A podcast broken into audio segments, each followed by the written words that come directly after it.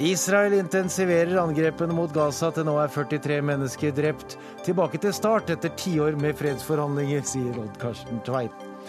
KrFUs leder får vondt i magen av regjeringssamarbeidet. Helt urimelig, sier Unge Høyre. 800 000 grisunger blir kastrert hvert år for at svinekjøttet ikke skal få rånelukt. Grov dyremishandling, sier Dyrevernalliansen.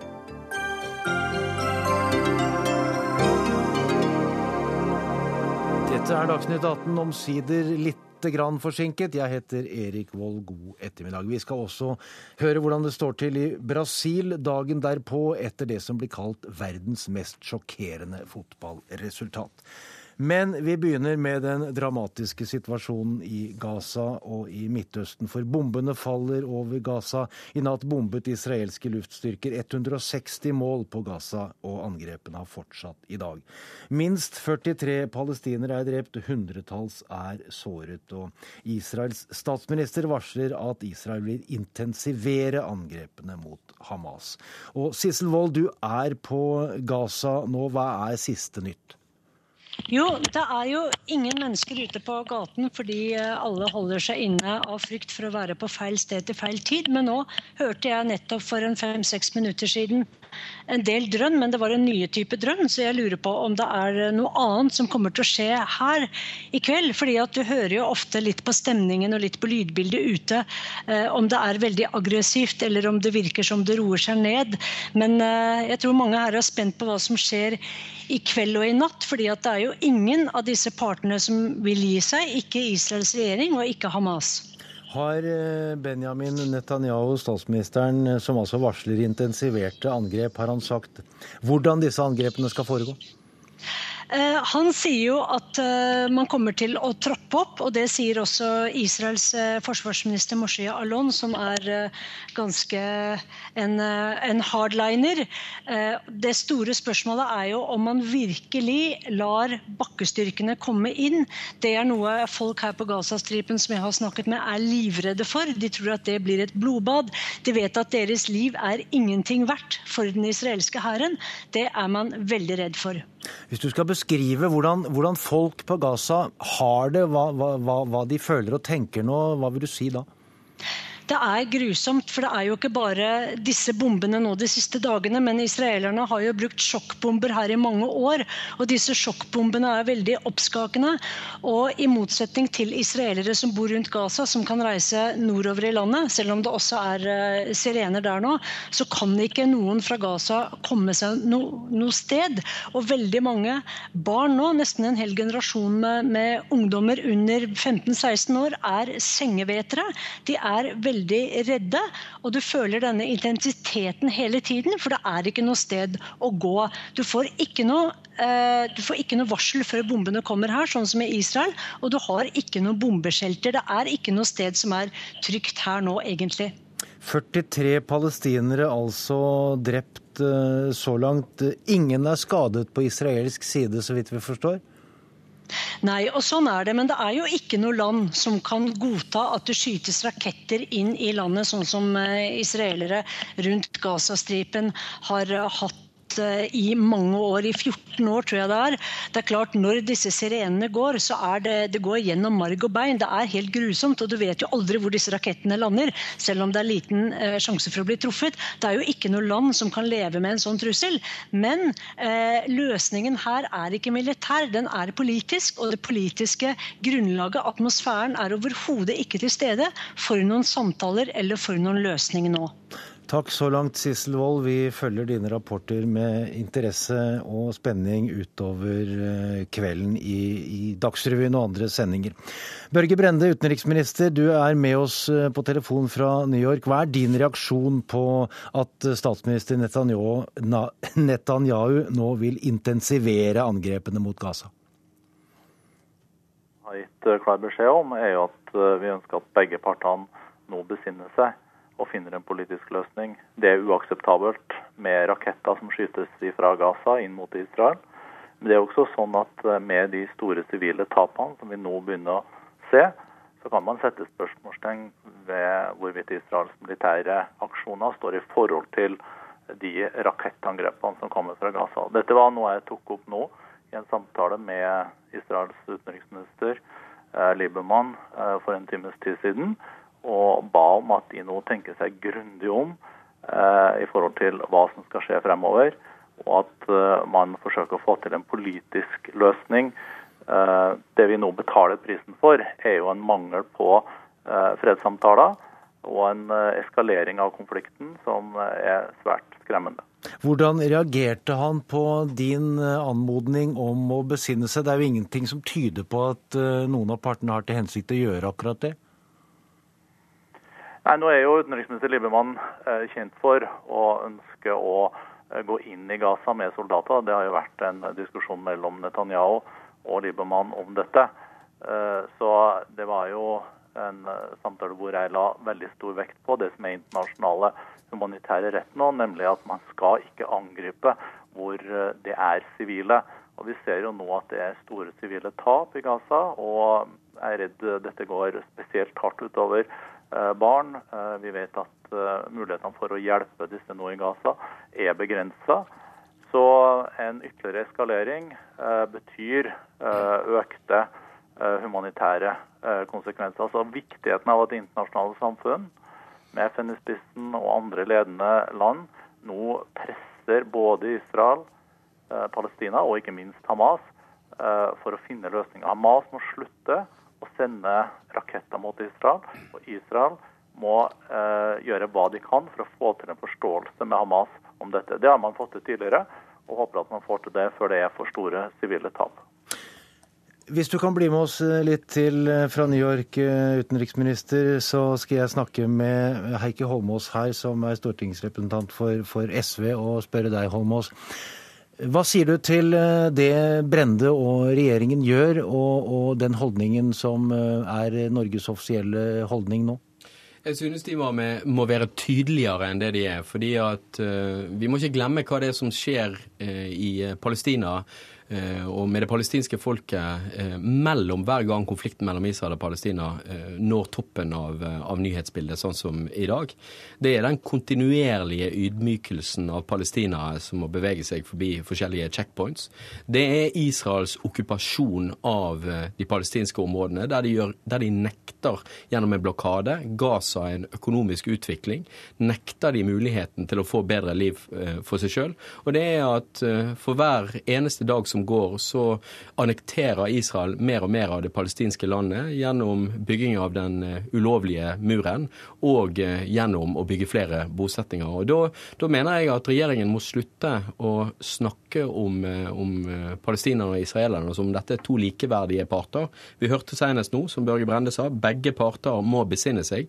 Men det handler altså om en okkupant som okkuperer et annet land, og som nekter de muligheten til men, utvikling. Men nå, nå hører Brende på, på det du sier, og hva mener du da konkret han skal si og gjøre? Jeg mener jo for det første at det er helt nødvendig å fordømme de angrepene som israelerne nå begår eh, mot, mot Gaza. Jeg mener det er riktig også å fordømme eh, raketter mot sivile eh, i Israel. Men han må være tydelig overfor israelerne og si at så lenge de nekter en utvikling for det palestinske folket, og nekter å, å følge det internasjonale eh, samfunnet sitt entydige krav om å slutte med okkupasjonen, så eh, må, vi, eh, må det være de og israelsk side som bærer hele ansvaret videre. Og Da kan du ikke ha en balansert tilnærming til denne konflikten som regjeringen sier at de skal ha. Du må ha en tydelig en på internasjonal rett sin side. Jeg minner om at i dag er det ti år siden eh, Den internasjonale domstolen sa klart ifra at byggingen av den folkerettsstridige muren, apartheidmuren som den også kalles, er i strid med internasjonal eh, rett. Men det har ikke betydd noe som helst for israelerne. De turer frem akkurat som før. Brende, det går ikke an å forholde seg likt til begge parter, sier Holmås. Hva sier du? Derfor så understreker jeg at eh, de angrepene vi har sett mot eh, Gaza nå, eh, ikke er proporsjonale. Dvs. Si at tapene på palestinsk side er store, de er sivile. og Dette tok jeg opp også med Israels utenriksminister. Men vi må ha tunga rett i munnen her. og Gaza er faktisk ikke okkupert av Israel. Eh, den eh, okkupasjonen endte jo. Eh, det er jo fra Gaza disse rakettene blir skutt ut. Hundrevis av raketter som når, når langt nord i Israel også. Hamas kan ensidig bestemme seg for å slutte med det. I så fall så må Israel slutte med sine angrep. Det som Holmås nå forsøker å gjøre, er å skape uenighet om noe det er enighet om. Og Det syns jeg er lite formålstjenlig. Norge spiller faktisk en ikke uviktig rolle uh, i Israel-Palestina-konflikten. Vi leder den såkalte giverlandsgruppa. Og jeg mener at jeg følger opp uh, det som har vært bred enighet om i Norge. Og jeg er krystallklar på at bosetningene på Vestbredden, de israelske, de er i strid med folkeretten. Det er ikke anledning til å drive bosetning i okkupert territorium. Det vi betaler en pris for nå, det at eh, fredssamtalene opphørte. Det er veldig viktig at palestinerne og israelerne igjen eh, setter seg ned og får en forhandla resultat med en tostatsløsning. En tostatsløsning basert på grensene før 67, men mulig med landbytte. Det er ingen uenighet om dette. Den internasjonale retten er helt klar når det gjelder muren eh, som bygges. Det er helt riktig som Holmås sier, at Den internasjonale domstolen i Haag har slått fast at dette ikke er i tråd med internasjonal rett og folkeretten. En oppfatning som jeg også deler. Men det som vi nå må unngå, er jo en ytterligere opptrapping av konflikten, slik at hundrevis av nye sivile liv uh, går tapt. Derfor så har jeg samtalt med Libemann nå, for å ha lagt press på israelerne. Senere i kveld så vil jeg ha en samtale med president Abbas for å se om det kan finnes muligheter til å få partene til å snakke sammen, og for at, å få Hamas til å slutte å sende ut raketter, og få Israel til å slutte en ikke-proporsjonal opptrapping. Vi har også med oss Line Henriette Hjemdal i et uh, studio i Fredrikstad, stortingsrepresentant for KrF. Og du skriver i VG i dag at Hamas gjør både palestinsk forsoning og fred mellom Israel og Palestina vanskelig. På hvilken måte? Nei, Når vi vet at uh, disse tre uh, bortføringene og drapene på tre unge gutter blir uh, sammenlignet med en velsignelse når man får høre av øverste leder av Hamas, Mashal, at velsignet være de hender som fanget dem. Når han sier det til arabisk TV, ja, så gjør jo denne forsoningsprosessen det mye verre når man får velsignelse ved å gjøre et terrorangrep. Eller som vi ser på de offisielle Facebook-sidene til Fatah, der man lager eh, karikaturtegninger som eh, viser en hånd som holder en fiskestang, og på fiskesnørets tredelte ende så er det tre mus fanget i agnet. Og der hver av musene har en davidsstjerne på ryggen, og bildeteksten er 'mesterstykket'. Slike tegninger, slike utsagn, det gjør denne situasjonen bare verre. Og jeg er enig med utenriksminister Børge Brende at nå må begge sider besinne seg. Og jeg er glad for å høre at utenriksministeren har hatt kontakt med den israelske regjering i ettermiddag, og vil ta kontakt med palestinernes president. For det er bare ved forhandlingsbordet man kan få til en fredsavtale. Men da trenger man altså ikke slike karikaturtegninger, eller man trenger ikke en velsignelse over tre uskyldige gutteliv. Men da må jeg stille samme spørsmål til deg. For når det da er ganske åpenbart at ingen av partene vil besinne seg og følge oppfordringen, hva da? Vi kan ikke slutte med å gi denne oppfordringen, for her går altså sivile menneskeliv tapt. Da er det vår plikt og vår store interesse for verdenssamfunnet å be folk sette seg ned til forhandlingsbordet. Og så vet vi at Hamas tidligere har bombet i stykker fredsprosesser tidligere. Eh, Camp David-prosessen i 2000, eller tidligere selvmord, selvmordsbombere som de har brukt på vesentlig krevende tidspunkt i forhold til fredsprosessen, det må man også slutte med. Men så er det jo en helt sånn vesentlig ting. Man får jo ikke til en fredsavtale her hvis man ikke iallfall gir Israel rett til å eksistere. Charteret til Hamas som sier at man ikke skal eksistere fra Israels side, ja det tror jeg må iallfall legges i skuffen hvis man skal få til en fredsavtale, og det bør alle tilstrebe. Holmos. Men det som er helt avgjørende her, er jo, er jo, at det er avgjørende å få lagt et press på Israel. For vi må ikke glemme at det er de som er okkupanten oppi dette. I den, eh, den, prosessen og det initiativet som, eh, som USA har hatt eh, nede i, i, Midtøsten, i den siste runden med fredsinitiativ, så så vi jo at Israel nektet å forhandle med den samarbeidsregjeringen som Hamas og Fatah kom sammen om og sa at denne, denne skal representere oss. Og Det er noe med at hvis du Det er vanskelig å, er vanskelig å, å rope på, sånn som, sånn som Kristelig Folkeparti gjør, nye forhandlinger hvis den ene parten nekter å forhandle med den andre. Og det er her jeg mener at Norge må bli enda tydeligere og være villig til å gå og lede an i en prosess for å legge et internasjonalt press på Israel for at de skal forholde seg til, eh, til folkeretten. Men vi vet altså også fra forrige uke så prøvde man å få til en fornyet våpenhvile mellom Hamas og Israel, der Egypt spilte en vesentlig meglerrolle.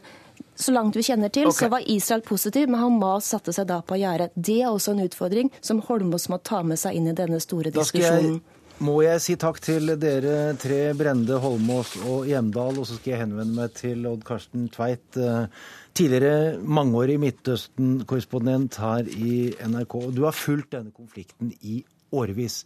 Og jeg får en sånn følelse, Odd Karsten Tveit, om at vi liksom er tilbake til start ikke helt tilbake, fordi at Israel vil ikke engang anerkjenne eh, representanten for det palestinske folk på 25 år etter at de okkuperte Vestbredden, Gaza og Øst-Jerusalem, altså PLO.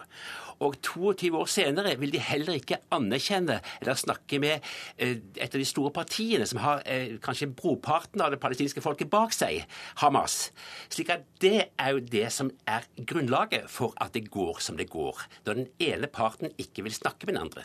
Men hvordan forklarer du at dette skjer nå så voldsomt som det gjør? Det er en dynamikk som vi ikke kan kontrollere eh, ofte. Det er ikke at begge parter, israelerne og palestinerne, Hamas, har tenkt å få det slik som det er. Men etter at eh, denne samlingsregjeringen kom i stand i juni, så håpet jo palestinerne at denne eh, regjeringen, som ikke bestod av Hamas-folk, det bestod av teknokrater, skulle bli møtt med velvilje. Det skjedde ikke. Israel ville ikke snakke med den regjeringen heller. Eh, og dermed så sto de tomme for penger også. Hamas, eh, i Gaza, 40 000 innbyggere som er ansatt i det, eh, i det offentlige, har ikke fått penger. Utbetaling av lønninger. Så det er klart at det skaper en forferdelig misnøye. Og så kommer da eh, kidnappingen og drapene av israelerne, som da Israel svarer ikke med da å bare lete etter de forsvunne, men driver en massiv kampanje på hele Vestbredden. Dreper fem palestinere, ødelegger hjem og boliger og, og, industri og alt mulig. Dette skaper også Og når Hamas da blir satt til sides, så vil de vise vi vil noe, dere kan ikke glemme oss. Og dermed så kommer dette. De vil på mange måter vise vi er her. Vi er her, og dermed har det skjedd en utvikling som ingen har egentlig ønsket. Men når Israel sier at hvis bare Hamas slutter å skyte raketter, så skal det bli eh, fred og ro?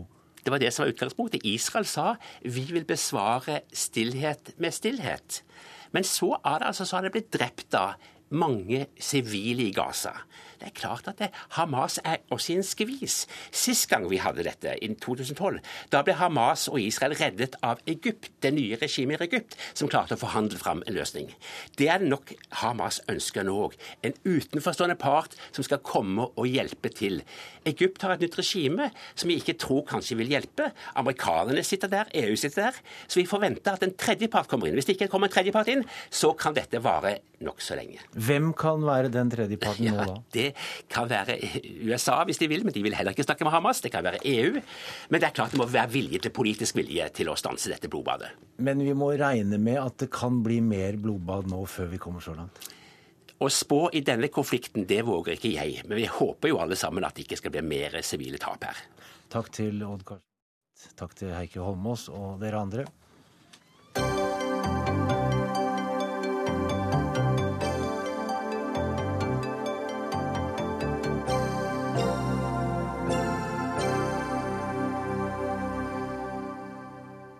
Et massivt dataangrep kneblet i går nettsidene til flere banker, teleselskaper og flyselskaper samtidig. Angrepene rammet bl.a. DNB, Norges Bank, Nordea, Gjensidige Storebrand, Telenor, NetCom, SAS, Norwegian og Widerøe. Og Even Westervelt, eh, informasjonsdirektør i DNB. Deres nettsider ble rammet på hvilken måte? Nei, Vi fikk et eh, angrep eh, som var ganske kraftig mot nettsidene våre. og Det er ikke et hackerangrep, men et såkalt tjenestenektangrep som gjør at det kommer veldig mye trafikk. Eh, og da, hvis det er for mye til at vi klarer å hindre det, så kneler rett og slett tjenesten. Og her snakker vi om et veldig omfattende angrep. Det var flere tusen treff per sekund mot sidene våre i den perioden. Vi får jo denne typen angrep veldig ofte, og vi klarer å stanse de aller fleste, men i går eh, klarte vi det altså ikke. Hvordan rammes eh, kundene deres? Nei, Når tjenestene våre går ned, så får jo ikke de logget seg på nettbanken f.eks. Den var nede litt over en time i går, og det er veldig beklagelig. Det um, skjønner jeg er irriterende. Um, men dette er jo også digitale pøbler som er ute og ødelegger og saboterer. Vi har gode systemer, men vi så i går at vi ikke er 100 garantert at vi kan utelukke at den type angrep skjer. Men det er ingen som klarer å komme inn på konti og stjele penger Nei, og sånn? og det kan alle kunder være helt trygge på. Pengene er der de skal være, informasjonen er trygg. Så dette var kun nettsiden som ble angrepet. Roar Thon, fagdirektør i Nasjonal sikkerhetsmyndighet. Hva kan dere si om disse angrepene? I dag har vi kommentert veldig lite konkret, men nå sitter jo både to av, to av ofrene for, for gårsdagen her. Ja, hvorfor det? Er det fordi at dere ikke vil sette noen på sporet av hvordan Nei, man gjør det? Nei, det handler nok mer om det å skaffe seg fullt og helt oversikt. Eh, og så handler det litt om hvordan eh, man også håndterer dette her. Eh, dette håndteres jo først lokalt, og så eventuelt sentralt med, med støtte og bistand fra oss. Men tjenestenektangrep er en dessverre en enkel måte å skape problemer for, for en rekke aktører på. Jeg har sagt som så at vi kan sammenligne det med at uh, jeg kjører en lastebil med et lass med grus og dumper det utafor butikkdøra, slik at kunden ikke kommer inn og eierne av butikken kommer ikke ut. Så det er som Westervelt sier, det er pøbelstreker? altså? Det kan være et vidt spekter av bruksområdene på dette her. Eh, fordi eh, Ser man tilbake i tid på hvordan dette har vært brukt, så har det ja, vært pøbelstreker. Dette kan brukes rett og slett ganske enkelt ved å kjøpe tjenesten og be konkret hvem man ønsker skal angripes. Men det er også en måte å skape seg oppmerksomhet på for å få fram f.eks. et politisk budskap, et religiøst tema budskap. Og man har også sett det i, som en sidedel på, uh, på væpnede konflikter. I tillegg så kan det være en mulighet for at det også blir brukt som et bakgrunnsteppe på å skjule noe som er langt mer alvorligere, som nettopp går på potensielt å kunne trenge inn i systemer og stjele informasjon. Berit Svendsen, du er administrerende direktør i Telenor Norge. og dere ble også, eller Nettsidene deres ble også angrepet to ganger i går. Men dere klarte å slå tilbake. Hva var det dere gjorde for noe? Nei, Vi ser jo på dette som et problem, og vi ser det som et økende problem. Og det er jo ikke bare Telenor på en måte som ble ramma i går. Vi ser på det som et angrep på norsk kritisk infrastruktur. I går, Den hendelsen i går var også en hendelse som er en serie i rekka av hendelser. Dette har vi sett veldig mye de siste årene. Det som var spesielt i går, var jo at det var mye sterkere angrep enn det vi har sett før. Vi kjente heldigvis igjen dette angrepet fra en gang tidligere. Og så ramma han flere bransjer etter hvert. Først så tok en bank og finans, så tok en telekom, og så tok en flyselskapene. Så i og med at vi kjente igjen dette angrepet, så klarte vi å avverge det veldig fort ved hjelp av våre sikkerhetseksperter og ved hjelp av våre leverandører Evry og Accenture. Så det betyr at, at uh, altså deres nettsider ble ikke stoppet eller, eller lammet på, på, samme måte som de andre? Jo, våre nettbutikker da, mot uh, massemarkedet og mot bedriftsmarkedet, de var da nede i noen titalls minutter før vi klarte å avverge angrepet, fordi det var så kraftig, som også Roar uh, har vært inne på her. Hva syns du om den måten som da Nasjonal sikkerhetsmyndighet og andre som, som da skal passe på dette, mm, gjør jobben sin? Jeg tror vi har en nasjonal oppgave. Jeg tror vi må styrke eh, nasjonen Norges kompetanse på området. Det må både styrkes innenfor privat sektor, det må styrkes innenfor offentlig sektor, og vi må samhandle mye bedre på tvers. For det er ingen aktør i Norge som klarer å avverge de største angrepene. Fordi det er noen av de smarteste personene som er der ute, som kjenner sikkerhetshullene i IT-systemene, som kommer inn og gjør dette. Og det kan også, som Roar eh, er inne på, at det kan være en avledningsmanøver for faktisk å prøve å komme inn i nettbutikken og gjøre innbrudd og gå inn og gjøre enda større skade enn bare på en måte å lukke nettbutikken for kundene. Ja, Roar Thon, du nikker eh, på dette at dere må bli bedre og lage en nasjonal dugnad osv. Men hvordan skal man gjøre det? Først og fremst så tror jeg må erkjenne at man sitter i samme båt. Eh, jeg pleier å si at eh, Problemet med altså, sektorprinsippet i Norge er at trusselaktørene ikke respekterer det. Altså Dette går på tvers, som egentlig gårsdagen er et eksempel på. Og Da trenger man eh, raskere dele informasjon. Man trenger eh, bedre samhandling eh, som sådan. Men på bakgrunn av det så trenger man også selvsagt å ha en kompetanse og systemer, rutiner og ulike ting på plass. Men Skal man utdanne folk, eller hvordan, hvordan skal man gjøre det helt konkret? Vi har et helt klart behov for å utdanne folk på, på, alle nivåer. Eh, nå er det ikke mange dagene til før man har en formell åpning eh, på Høgskolen i Gjøvik, hvor, hvor, det nettopp er et eksempel på den felles satsingsområdene, hvor man da får et eh, forhåpentligvis et ganske kraftig senter for eh, forskning og utdanning innenfor informasjonssikkerhet. Westervelt, er dere flinke nok til å samarbeide, eller er det hver og en passer på seg og sitt?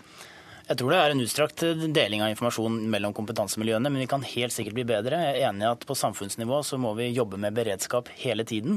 Eh, og IT-sikkerhet er en helt kritisk del av infrastrukturen vår. Men overfor forbrukerne så skal de vite at det ligger lag på lag med sikkerhet mellom denne nettbutikken eller nettsiden, da, dnb.no f.eks., og den informasjonen og de pengene som ligger i nettbanken din. Men Hvordan sånn at, kan vi være sikre på det? da? Jo, Det kan du være helt sikre på, fordi uh, det er noe av det ypperste som finnes av teknologi og sikkerhet på IT-siden. Roar Thon, uh, leter dere etter de som gjør dette her?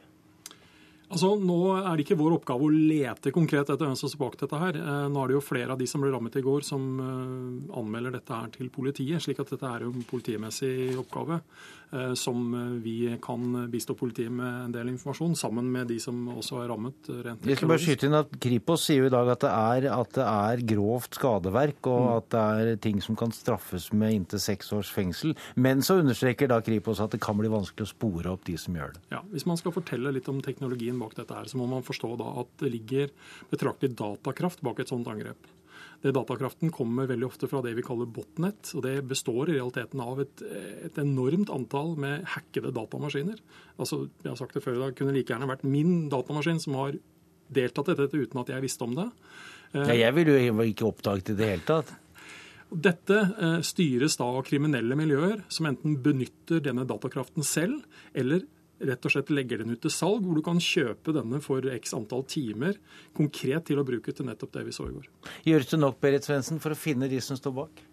Nei, om det gjøres nok for å finne de som står bak. Eh, dette kan jo være alt fra individer til grupperinger til bedrifter til nasjoner som står bak et, et sånt angrep. Og igjen så kreves det ganske stort samarbeid på tvers av sektorer. Men Er det viktig for dere å vite hvem land. som står bak? Ja, det er klart. Men jeg tror det aller viktigste er å vite at alle de er der ute som ønsker å utnytte svakheter i systemet. Og det dreier seg om hele tiden å løpe fortere enn de der ute som har lyst til å utnytte svakhetene i systemet. Og Da er det å ha nok kompetanse i bedriften. Det er å samhandle på tvers med andre bedrifter og offentlig sektor, sånn at vi hele tiden lærer oss å bli flinkere og flinkere. Og Vi har nå innsett at vi må styrke kompetansen på området og ha ledige stillinger ute for å bli enda bedre.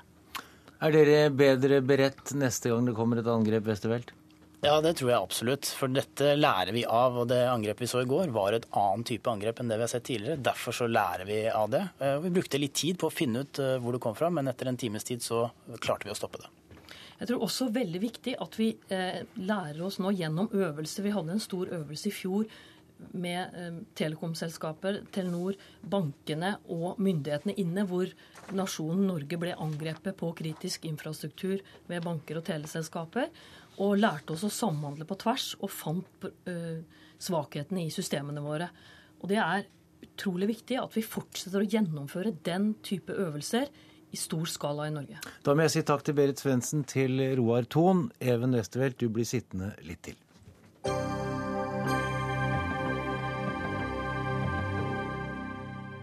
For vi skal nemlig snakke om eh, at barn helt ned til syv års alder kan få eget bankkort med bilde og signatur. Og Even Westervelt, du er altså informasjonsdirektør i DNB stadig vekk.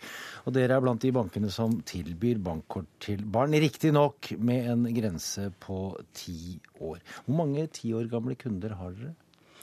Vi har ganske mange, eh, rett og slett fordi at dette er noe norske foreldre og barn ønsker.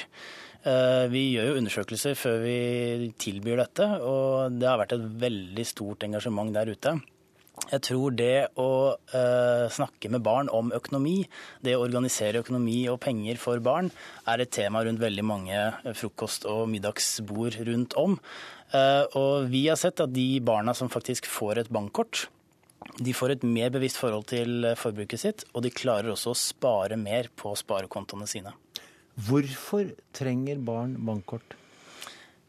Det er mange grunner til det. Vi lever jo i et digitalt samfunn som blir mer og mer digitalt. Nå er det sånn at Man kan sjekke saldoen sin veldig enkelt på en app på telefonen. Foreldre kan overføre penger hvis barna er på Norway Cup og er sultne og trenger mat til middag. Veldig lett via sin app på telefonen. Og barna kan bruke bankkortet sitt å betale med. Den fleksibiliteten har man jo ikke med kontanter. Ehm, så er det jo også sånn at det er sikrere, rett og slett fordi at mange foreldre ikke ønsker at barna skal gå rundt med masse kontanter hvis de blir ranet, f.eks. Eh, så det er både litt mer oversikt og, bedre sikkerhet. Willy Tore Mørk, professor og barnepsykolog, og med oss på telefon. Hva sier du om barn og bankkort? Jeg sier at de eh, trenger ikke bankkort når de er ti år gamle. Ehm, det som jeg reagerer litt på, det er begrunnelsen. Altså Det virker som om det er av hensyn til barna at man da oppretter dette systemet med bankkort. Vi ser en stadig mer oppblomstring av arrangementer eh, fra mange sider overfor barn, der man tilsynelatende sier at det er av hensyn til barna. Jeg skal nevne noen få eksempler. Vi har I nabokanalen til NRK så har man da Idol Junior, som starter nå til høsten. hvor da eh, denne kanalen begrunner det med at dette er en arena som, som barn har lengtet etter. Og endelig får barn en arena hvor de kan uttrykke sin begavelse. Vi har barnemoter, vi har barn går på catwalken, vi har barneutgaver av utfordrende med voksenklær, altså seksualisering av barn. Alle disse arrangørene sier at det er av hensyn til barna. Da kan du si at Selve bankkortsystemet til DNB og andre banker er ikke noe veldig veldig viktig sak verken for meg eller for, for barna, men det er til sammen denne holdningen fra voksensamfunnet, hvor man anvender barn til de voksnes forlystelse eller voksnes fordeler. Det er det jeg reagerer egentlig på. Men i tillegg til det altså, så trenger ikke tiåringer bankkort.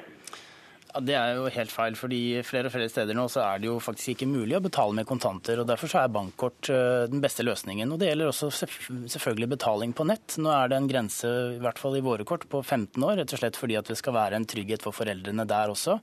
Men dette kommer det mer og mer av. Vi må legge til rette sånn at barn får et naturlig forhold til penger og til økonomi, selv om det blir digitalt og ikke man har fysiske penger. Derfor så har vi samtidig med at vi lanserte dette kortet, lansert noe som heter Kortlappen. Så kan foreldrene og barna gå inn på nettet, så kan de ta en test hvor barna lærer om hva er saldo, hva betyr renter, hva er forskjellen på sparekonto og brukskonto? Hvordan skal man oppbevare PIN-koden osv. På den måten så blir barna mer bevisste at eh, det å bruke kortet er ikke en utømmelig kilde. Det må fylles på med penger, og de pengene må komme et sted fra. Vi merker jo det vi også, eh, Mørk, at det er, eh, det er snart ikke mulig å få tak i kontanter lenger.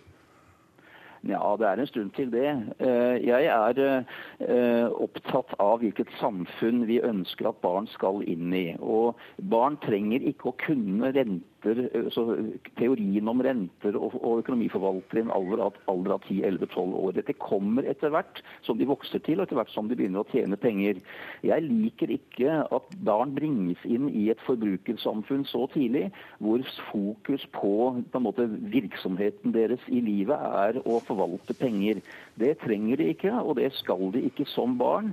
Barns utvikling er helt annerledes. Barn styres ofte av uh, følelser. og Og jeg ser også muligheten for at bankkort for barn også kan øke potensialet for konflikt mellom barn og foreldre. Jeg tenker at jeg er helt uenig. Jeg tror det er veldig sunt at barn lærer å få et naturlig forhold til penger og egen økonomi. Og jeg tror det er sunt at barn får et forhold til forvaltning av penger, sparing av penger. At man må spare og tjene penger før man bruker dem. Og jeg tror det å involvere barna i den type opplæring er veldig riktig. og Derfor er vi også opptatt av at man skal få dette inn i skoleverket. Det er altfor lite om personlig økonomi og penger i skoleverket i dag. Og det tror vi ville bidratt til at barn får et mer sunt forhold til penger i en verden hvor kontanter nesten ikke finnes lenger. Et kort spørsmål til slutt, Willy Tore Mørk. Er det ikke noe positivt å si om bankkort til barn? Nei, ikke ut fra synet på hva, hva barn trenger. Altså, jeg forstår veldig godt at økonomer og DNB, som har, som har, økonomi og penger i fokus for sin virksomhet, mener det de mener. Men jeg har barn i fokus for min virksomhet. Og min oppgave er jo å beskytte barn mot et voksensamfunn som mer og mer griper inn i barns hverdag til fordel for de voksne. Jeg tror ikke vi klarer å skape full enighet i denne saken. Takk til Even Westervelt, informasjonsdirektør i DNB, og professor Willy Tore Mørk.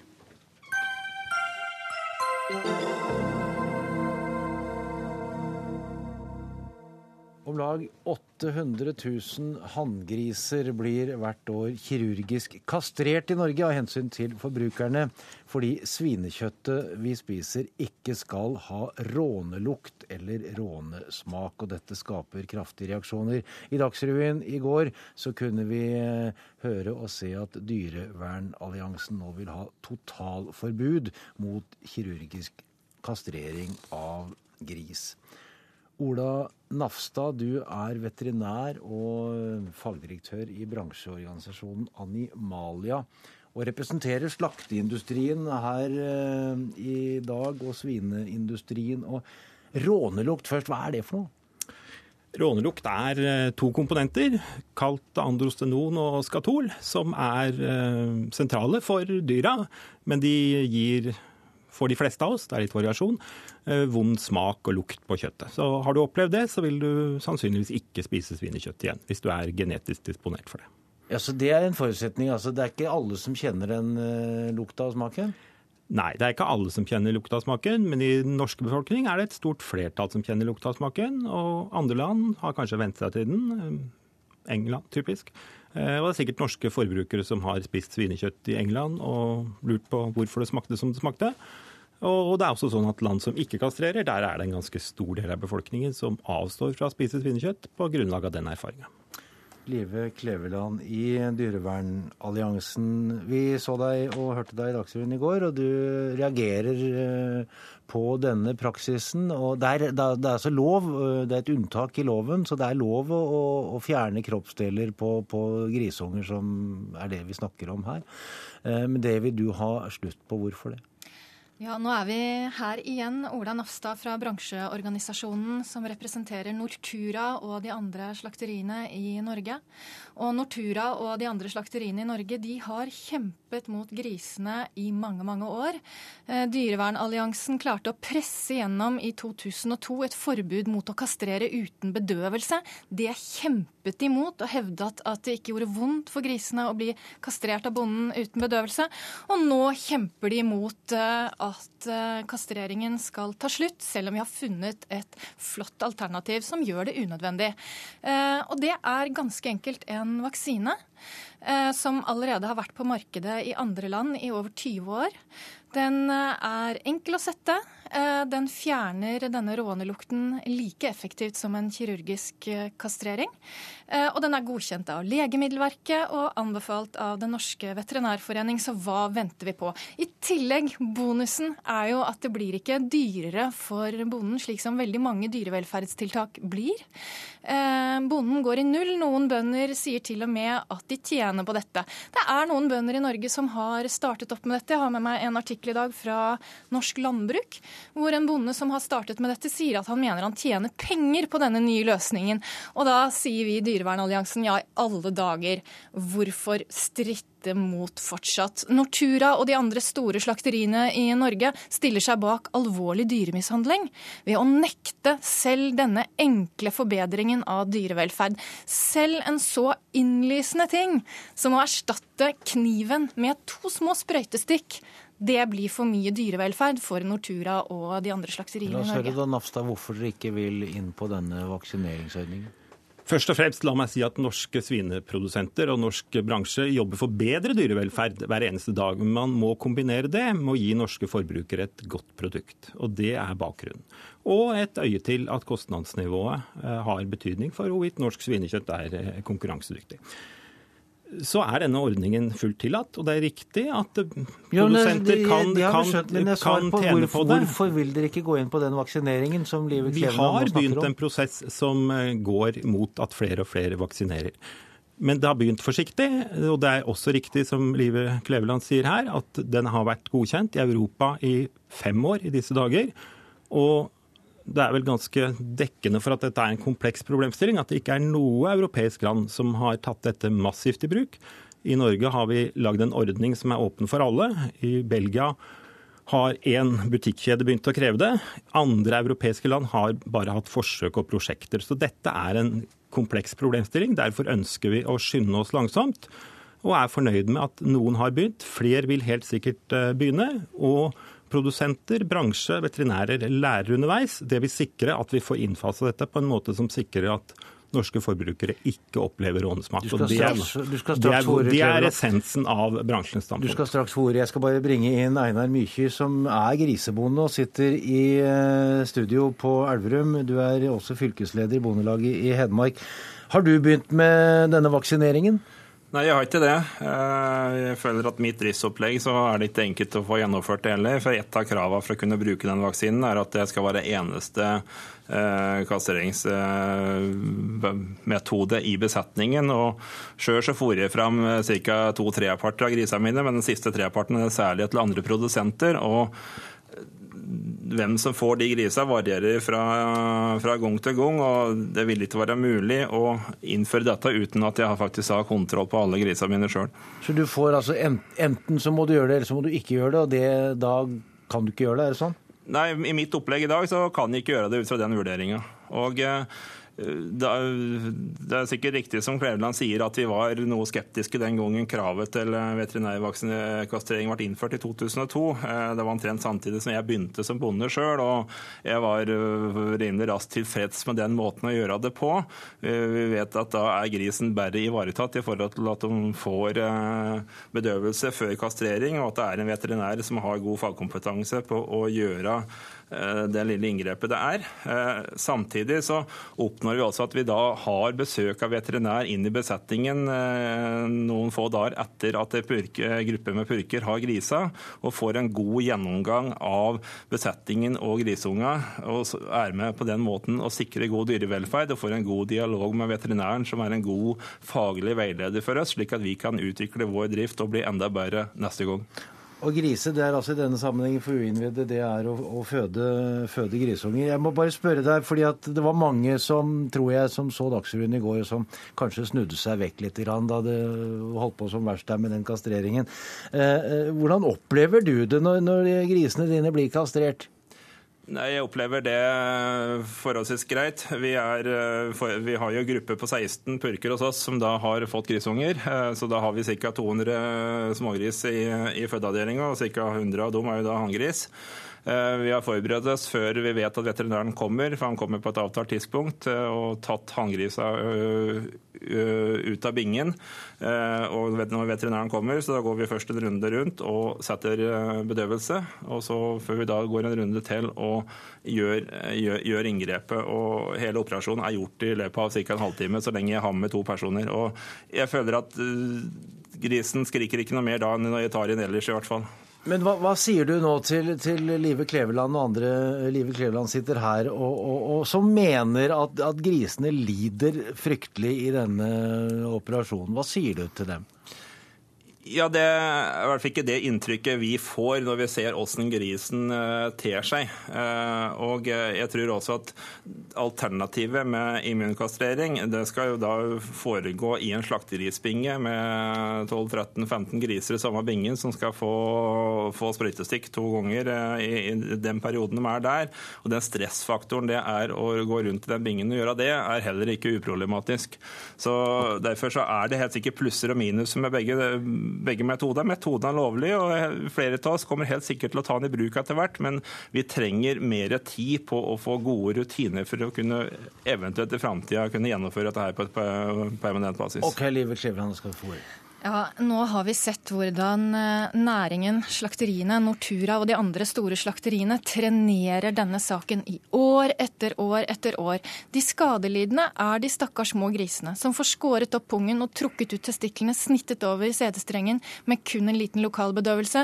Veterinærforeningen sier jo at dette er smertefullt, både under inngrepet og ikke minst eh, etterpå, når smertestillende går ut. Så her trenger vi politisk inngrep. Det er nå opp til regjeringen å skjære gjennom. Fordi norske forbrukere er jo også de skadelidende her. De har jo ingen valgmuligheter. Pga. det norske landbrukssamvirket med Nortura og de andre store samvirkeselskapene, så har jo ikke norske forbrukere noen valgmuligheter. Hva skal de gjøre hvis de ønsker kjøtt som er produsert med bedre dyrevelferd? Forbrukeren er sjakkmatt. Og derfor trenger vi nå at Fremskrittspartiet, som sitter i Landbruksdepartementet og var kritisk til denne praksisen med kastrering kastrering av gris da de selv var i opposisjon, de må skjære gjennom. Jeg tror ikke vi må trekke inn Fremskrittspartiet her nå, for nå er ikke Fremskrittspartiet her i dag. Men, men Nafta, Politikerne må skjære gjennom og sørge for at jeg, jeg, jeg eh, dyrevelferdsloven slutt, eh, opprettholdes. Ola Nafstad, du er jo også selv veterinær, og altså som uh, ifølge Kleveland da ikke på linje med din egen, din egen faggruppe. Jeg tror det er Veterinærforeningen jeg faktisk som ikke er på linje med veterinærer som praktiserer i storbypraksis. Okay. Nå tror jeg det er på tide å ta litt ned hva som er dagens situasjon. Vi har verdens beste dyrevelferd i forbindelse med kastrering av gris. Fordi vi bedøver. Eh, det er den samme bedøvelsesmetoden som brukes for katt og for hest. Eh, og for så vidt den samme bedøvelsesmetoden som eh, brukes på mennesker med et inngrep med lokal bedøvelse. Sånn at Nei. man må avdramatisere dette Nei. noe. Vaksinen vil være et ytterligere skritt i riktig retning. Det er vi rede til å ta, men vi trenger tid til innfasing. Ok, Takk til dere tre, Live Kleveland, Ola Nafstad, Einar Mykje. Jeg tror ikke dette var siste gang vi diskuterte dette spørsmålet.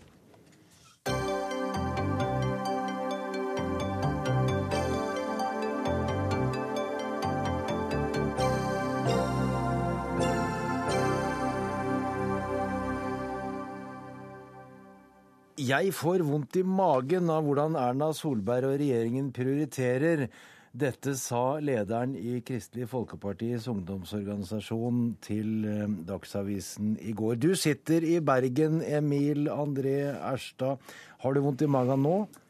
Nei, den er helt fin. Eh, og dette handler heldigvis ikke om eh, innholdet eller i tilstanden på magen min, men det handler om hvordan jeg i flere og flere saker merker at politikken drar i feil retning med den regjeringen vi har i dag. Og Erna Solberg sitt frihetsbegrep det ser ut til å gjelde de aller sterkeste, eh, og i mindre grad for de ressurssvake. Og, og konkrete saker som vi har sett etterpå. Det er tiggeforbud, eh, saker som nå er innført eh, rett før sommeren. At en ikke vil prioritere å investere oljefondet i fornybar energi og fattige land, som en sa før valget. Eh, kamp mot barnefattigdom og manglende offensiv klimapolitikk.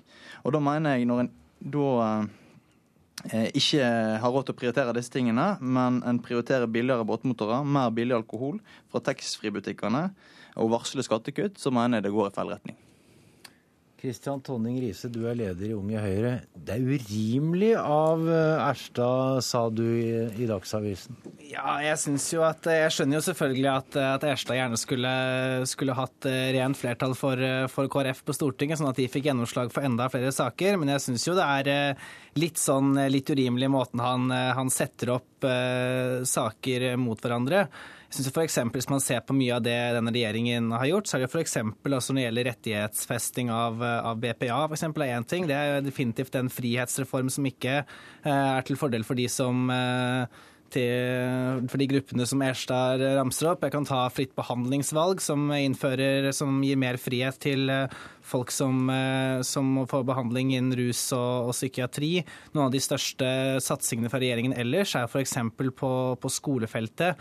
Når det gjelder etter- og videreutdanning av lærere, så ser jeg at det er noen tiltak som, går, som kanskje går i en litt annen retning enn det, enn det KrF, KrFU ville valgt. Men jeg, jeg tror nok at hvis man ser på Eh, på profilen her, så syns jeg ikke det er grunn for å bruke helt de glosene som Erstad gjør her. Og jeg tror kanskje at eh, han må tenke på alternativet da, og kjenne litt på, litt på brekningsmusklene når han tenker på hvordan det ville vært å samarbeide til andre siden. For de tingene som f.eks. Arbeiderpartiet har brukt mest tid på å hamre løs på, er jo nettopp de gjennomslagene som KrF har fått i, i samarbeidet. Så jeg registrerer i hvert fall at KrF uh, synes å være litt mer fornøyd med, med regjeringssamarbeidet enn det Erstad gir uttrykk for nå. Erstad, Det er jo et faktum at KrF eh, har erklært seg som et eh, støtteparti til den regjeringen?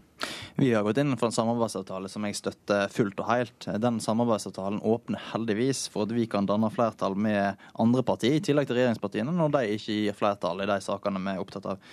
Eh, og som et sentrumsparti som er opptatt av eh, sosial rettferdighet og, eh, og har et sosialt bankende hjerte, så mener det er viktig at vi får gjennomslag for vår politikk der det er mulig. Og når regjeringen da velger å fronte Segway og økte taxfree-kvoter, samtidig som de innfører tiggeforbud, så smaker det litt vondt for en kristendemokrat som er opptatt av en sosial, rettferdig politikk. Og når regjeringen i tillegg sier at den ikke ønsker å ta imot bombeskadde flyktninger fra Syria og venter med å bekjempe barnefattigdom, så mener jeg at det er på tide å etterlyse eh, noen av de sakene samarbeidspartiene var men, enige om men, før du, valget. Du, du, sier fronte, men det er jo kanskje ikke så rart at en regjering eh, gjerne vil ha litt oppmerksomhet eh, mot, eh, omkring de tingene den faktisk får igjen? Da? Jo, absolutt. Men jeg tror samarbeidet mellom partiene som nå har en samarbeidsavtale, ville tjent seg på at vi eh, gjennomførte noen av de sakene vi var gjennom før valget. Og det var f.eks. det med å investere oljefondet i fattige land. Skape arbeidsplasser der i fornybar energi. Eh, bidra til en mer offensiv klimapolitikk.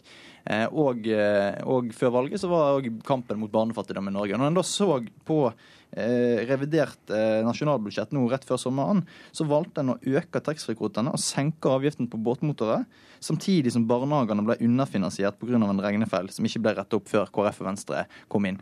Da, da stusser jeg litt over retningen regjeringen legger seg på. Og for KrF sin del, for KrF sin del så handler dette om at, at vi, vi, vil være med og støtte jo, en retning. og på sikt så må vi se om det samarbeidet da er fruktbart. Ja, men jeg må, må si det at uh, altså På noen av tiltakene som Esha lister opp her, på f.eks. klimafeltet, på asylfeltet, så er dette områder hvor, uh, hvor KrF har fått, fått noe gjennomslag i regjeringen allerede. Det er også satt av, en, satt av betydelige midler til en tilskuddsordning for kampen mot barnefattigdom. Og så er det sånn at hvis, hvis, hvis KrF som et parti med, med 5,6% oppslutning ønsker enda mer gjennomslag, så anbefaler jeg at de kanskje burde vurdere å gå motsatt vei av det Erstad sier, og heller kanskje tenke på å bli med i regjeringssamarbeidet etter hvert, sånn som også samarbeidsavtalen åpner for? Jeg tror, eh, jeg tror, eh, Unge Høyre og Kristian Tonning Riise er like enig med meg om at eh, f.eks. å innføre tiggeforbud i Norge er feil retning når det kommer til å bekjempe sosial nød. Og jeg mener en må vri politikken i retning av at en av at en bekjemper de sosiale utfordringene vi står overfor. Og så nevner Kristian eh, fra Unge Høyre at, eh, at, vi har fått gjennomslag for reservasjonsmulighet til KRLE. Og det syns jeg er vel og bra.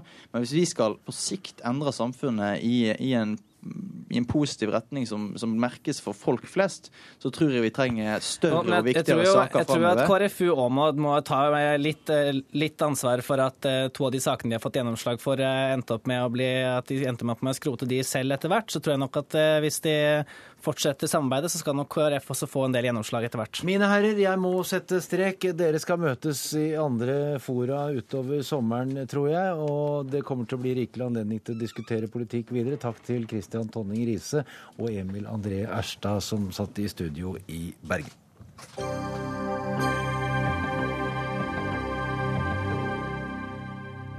Vi har noen minutter igjen av sendingen, og det er selvfølgelig én sak som har eh, preget eh, snart det siste nyhetsdøgnet, og det er det som blir omtalt som tidenes fotballsmell i går kveld, da Brasil altså da tapte 7-1 mot Tyskland i semifinalen i VM. Og Arnt Stefansen, vår mann i Rio de Janeiro, hvordan er det der nå?